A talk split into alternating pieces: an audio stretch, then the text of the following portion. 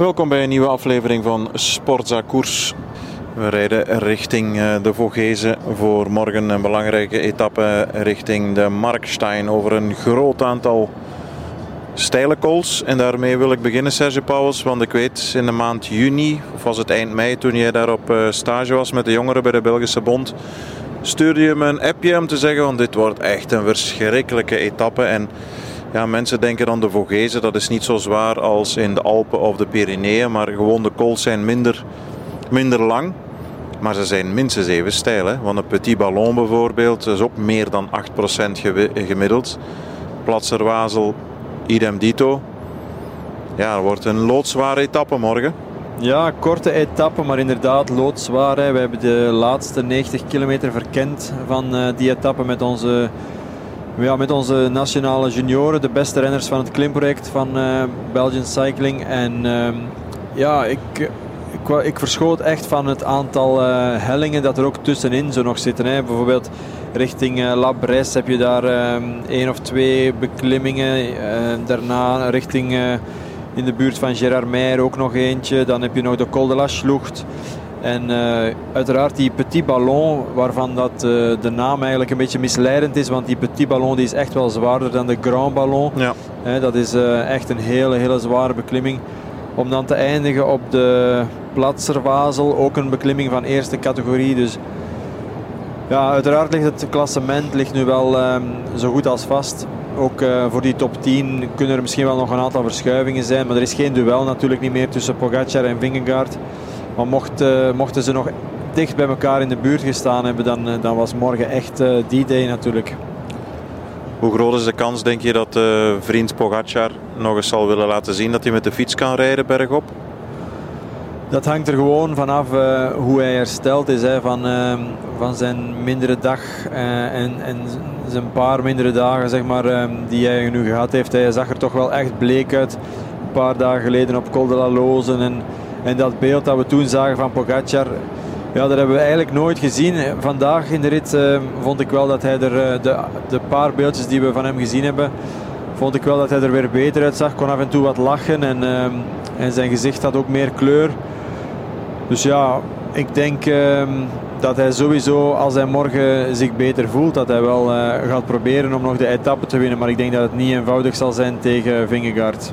Ja, naar de orde van de dag, wat we vandaag gezien hebben. Ja, als je wielenliefhebbers of gewoon ja, wielenliefhebbers die houden van de koers, maar zelf nooit hebben gefietst, zou moeten leren wat eigenlijk, waarom dat de, de, sport zo zwaar is, dan zou je bijna deze etappe moeten nemen. Hè. Als je ziet wat een kwaliteit in die kopgroep van 36 na een hele zware, ja, furieuze opening van deze etappe zat.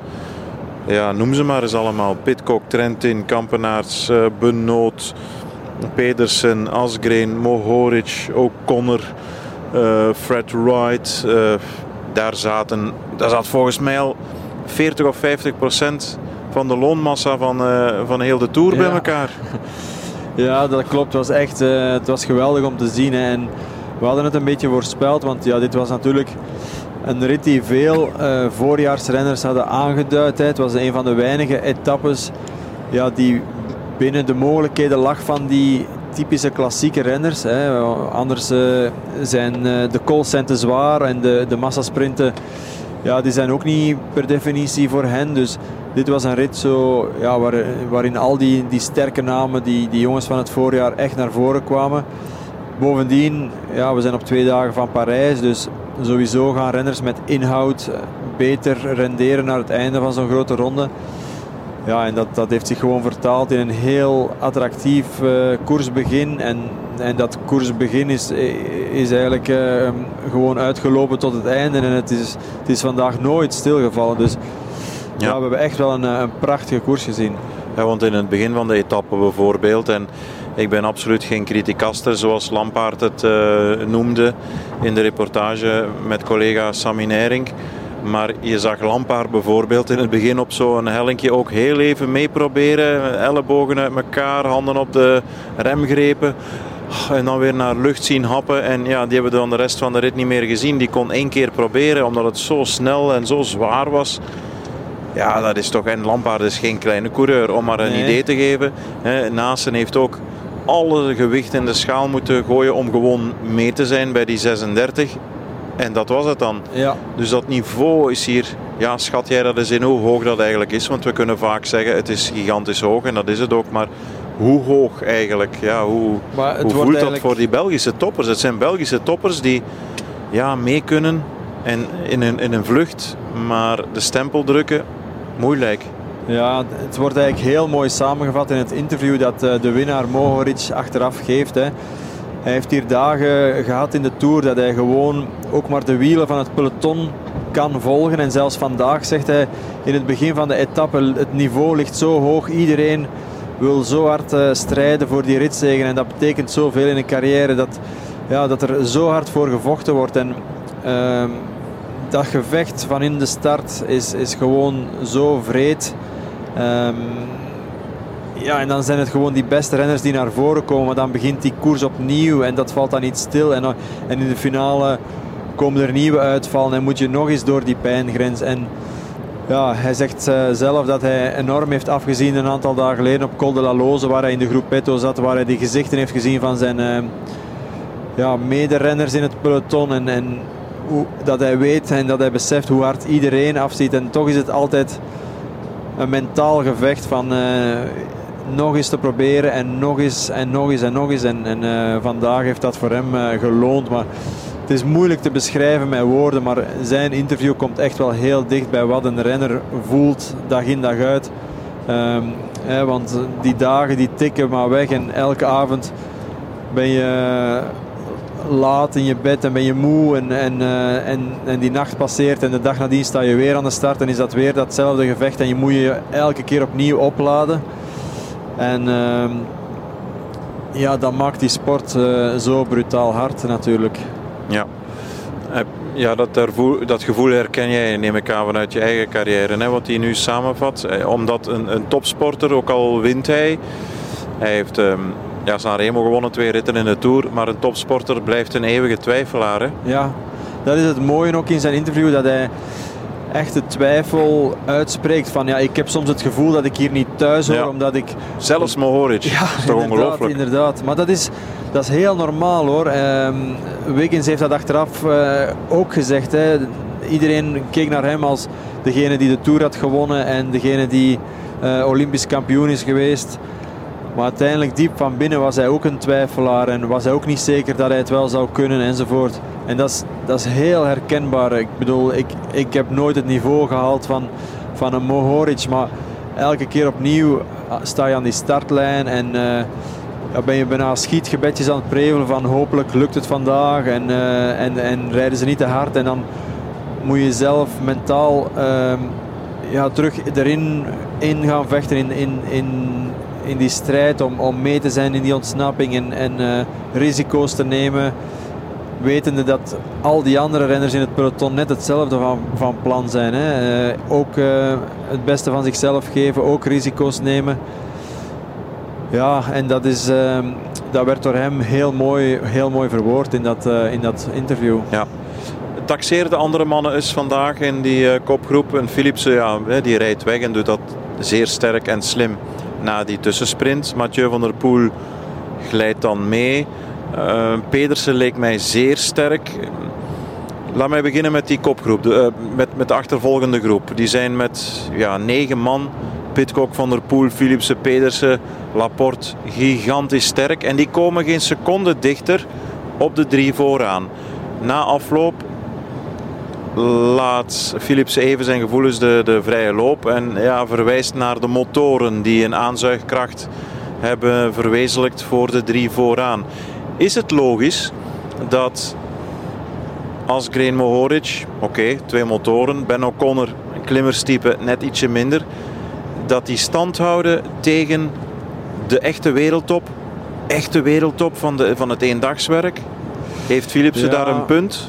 Ehm, eh, het is mij wel ook opgevallen op een gegeven moment dat er toch ehm, inderdaad een aantal motoren voor die kopgroep zaten en ook iets te dicht. En dan heb je nog die, die wagen van, eh, van ASO die voor de koers rijdt, waar die, die soms ook iets te dicht eh, op de koers vindt rijden. Op die kopgroep dan een. Ja, dat is vandaag de dag echt wel een, eh, een groot probleem in de koers. Hè, want ehm, op die manier wordt er, ehm, wordt er eigenlijk soms wel koers vervalst. En, en je kunt moeilijk gaan inschatten hoeveel en, en uh, waar dat het probleem zich dan uh, stelt. Want uiteraard in die achtervolgende groep reed er ook een motor voor. En dat is heel moeilijk om dat te gaan berekenen. Je kan ook niet... Ja, als die mannen allemaal hun Strava-gegevens, uh, als die bekend zijn, kan je dat eventueel vergelijken. Hè? Je zou in de achtervolgende groep kunnen kijken naar de gegevens van Philipsen van der Poel. Hmm. En ik weet niet of Asgreen die uh, openbaar maakt, of Mohoric of O'Connor. Maar daar kan je dan eventueel mee vergelijken in dat laatste segment. Je zou een idee kunnen krijgen, maar uiteindelijk uh, rijdt niet iedereen evenveel uh, watts. Uh, als je in het wiel zit of je zit niet in het wiel, ja. ben je aerodynamisch of niet. Dat zijn allemaal dingen die, die meespelen. Tenzij dat het verschil echt groot is. Maar ja, het is, het is een van de problemen die vandaag in de koers uh, heersen. En, en uh, dat is frustrerend, want uh, dat is ook niet fijn voor, ehm, voor die renners in de kopgroep. Want stel dat zij wel in staat waren om, ehm, ja, mocht, of, of, of mocht, zich dat, mocht dat probleem zich niet stellen, ja, dan is het ook oneerbiedig om te zeggen dat uh, Moritz vandaag gewonnen heeft dankzij de motoren. Ja. Dus ja, ik vind dat een heel moeilijke, maar het is wel een feit dat ze aanwezig zijn. En ik, uh, ik heb ook wel vandaag gemerkt dat ze inderdaad op een gegeven moment voor de kopgroep um, aanwezig waren. En, en, en, ja, dat zou eigenlijk niet, niet mogen. Ja. Kijk eens even door de bril als uh, Belgisch bondscoach, assistent bondscoach, naar een concurrent voor de Belgen op het WK, naar een Mathieu van der Poel. Is die goed? is die, ja, hoe, super lijkt hij niet te zijn. Maar goed, ik voel zijn benen niet. Ja. Um, een rit zoals vandaag bijvoorbeeld. Springt hij dan wel heel flux naar uh, Pedersen, denk ik. Hè? Laporte ook. Die laat hij dan even rijden. Uh, momentopname. Ja. Wel, ik denk uh, dat ik ehm, gewoon zijn woorden ook kan gebruiken. En hij zegt zelf dat hij zich nog niet, niet top voelt. En dat is ook duidelijk, denk ik. Hè, want uh, een echt super Van der Poel zou op die laatste beklimming zelf een move gemaakt hebben. En nu deed hij dat niet. Heeft hij gewoon de rest gevolgd. Maar hij is natuurlijk wel nog mee in die koproep. Dus hij zit al wel op een heel goed niveau. Um, zijn grimas op het einde ja, deed toch wel vermoeden dat hij ook wel op zijn tandvlees had. Maar ja, dat zijn alle renners hier in deze Tour. Dus daar kan je ook niet veel over zeggen. Ik denk wel dat hij... Um, ja, hij is een beetje ziek geweest, heeft hij ook aangegeven. Dus uh, dan is het gewoon moeilijk om in zo'n Tour de France te herstellen. Maar uiteraard houden wij enorm hard rekening met, Van der Poel op het WK. En als hij goed uit de Tour komt, dat betekent als hij goed kan herstellen in, in die twee weken tussen Parijs en Glasgow, ja, dan is hij uiteraard iemand die, die op een eendagskoers zoals het WK en op dat parcours uh, gaat meedoen voor, uh, voor winst. Ja, Bahrein tot slot, ja, ze winnen wel drie etappes. Wout Poels, Mohoric en uh, Bilbao. Een uh, team dat vorig jaar eventjes in een, uh, ja, een onweer terecht kwam. Hè, bij de inval voor het begin van de Tour. Kopenhagen, Denemarken. Daar is uiteindelijk nooit nieuws van gekomen. Dat is op zich al opmerkelijk ook van, van het, het, het gerecht. Dat daar ja, als, het, als het positief is, in de zin van positief en betrapt, dan zal je het wel heel snel horen. Is er niks aan de hand, dan hoor je daar niks meer van. Um, dat is heel opmerkelijk. Dat daar later niks meer over gecommuniceerd is. Maar ze winnen opnieuw drie ritten, dus uh, ja, die goede vibe opnieuw te pakken toch wel. Ja, absoluut. En uh, drie keer op een hele mooie manier. Echt wel uh, fel bevochten etappes geweest. Ook met Wout Poels, met Peo Bilbao. En uh, natuurlijk altijd met uh, Gino Meder in het achterhoofd, denk ik. Ik denk dat dat wel iets, een factor is die nu in die ploeg op een bepaalde manier veel energie geeft. En um, ja, ze waren er trouwens met Phil Bauhaus ook al een keer dichtbij in de massasprint. Die is nu wel naar huis. Um, Landa die ontgoochelt wel een beetje, vind ik eerlijk gezegd. Maar voor de rest is het wel een, uh, ja, een hele sterke equipe. En ja, drie ritten winnen in de Ronde van Frankrijk met drie verschillende renners, dat is niet, niet veel ploegen gegeven natuurlijk. Alright. Zien wij nog iets over het hoofd over de etappe van vandaag of uh, morgen? Wow, Victor Kampenaerts opnieuw. Juist, ja, ja, die, weer een pluim op de hoed, wel ja. vernoemen, vind ik. Ehm, Ook na gisteren. Het is eigenlijk frappant dat die drie renners die gisteren eh, in de vroege vlucht eh, zaten en, en tot op de meet eh, gestreden hebben voor de overwinning, ehm, dat die vandaag ook weer mee waren in de finale. Dus ehm, ja, dat is ook de Tour. Hè. Je zit soms in een goede flow, je, je gaat diep en dan de dag nadien omdat je net in vorm bent en omdat je vertrouwen hebt en je en je, goed voelt en je ontspannen kan koersen, want je bent tenslotte de dag voordien al mee geweest, of in het geval van Askren, je hebt al gewonnen, dus alles is goed. Kan je bevrijd koersen en, ehm, en zoals Kampenaars vandaag reed, ja, dat was gewoon iemand die, die echt in vorm is aan het komen en die, ja, die vandaag zijn ei kon leggen, opnieuw in die ontsnapping zich kon platleggen op zijn fiets. En het, ja, het was wel een plezier om naar te kijken. Natuurlijk, op het einde kwam hij wel iets te kort, maar hij heeft eh, mooi geanticipeerd door met eh, Simon Clark in, in de aanval te gaan op 60 kilometer van, het, van de meet. Ja.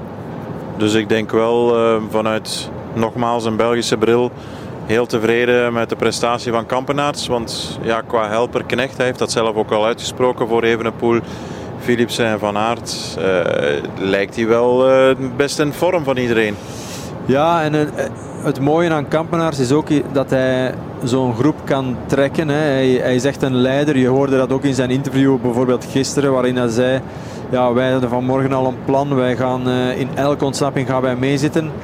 Eh, of het nu drie man is, of twee, of één of meer, we gaan mee zijn. En als het een kleine groep is, dan eh, komt één koren of komt er nog iemand eh, achterna. Vandaag of vanmorgen hetzelfde geluid. Ehm, ze zullen van goede huizen moeten zijn, zegt hij, om, ehm, om de lotto's, ehm, eh, of hoe zij het, dat, dat, ja, we wilden in elk geval vandaag opnieuw mee zijn. Dus hij is heel gedecideerd altijd in zijn planning en, en, eh, en dat is mooi. Hij weet wat hij, wat hij wil en, en als hij iets in zijn hoofd heeft, zoals vandaag opnieuw mee in die ontsnapping zijn, ja, dan, eh, dan is hij er 9 op de 10 ook. Dus ehm, da- daar kan je wel een huis op bouwen op die gast. Ja. We logeren vanavond in uh, Gupilair, bekend van eh, de Elzas en de Vogezen wijnen. Je bent een eh, geheelonthouder, bijna toch wel. Een Nippen van een eh, glaasje wit, Maar ja, natuurlijk. een Eh, Riesling, Gewurztraminer, waarvan hou je? Oh, ik, ik drink over het algemeen liever rode wijn, Christophe. Ja. Maar ehm, ja, zo'n ehm, eh, witte wijn uit de Alsace, ja, waarom niet? Tuurlijk, Ehm, dat moet zeker kunnen. Ja, nou, oké, dankjewel Serge Pauwels en graag tot een volgende aflevering morgen na de Vogezen etappe. Tot morgen.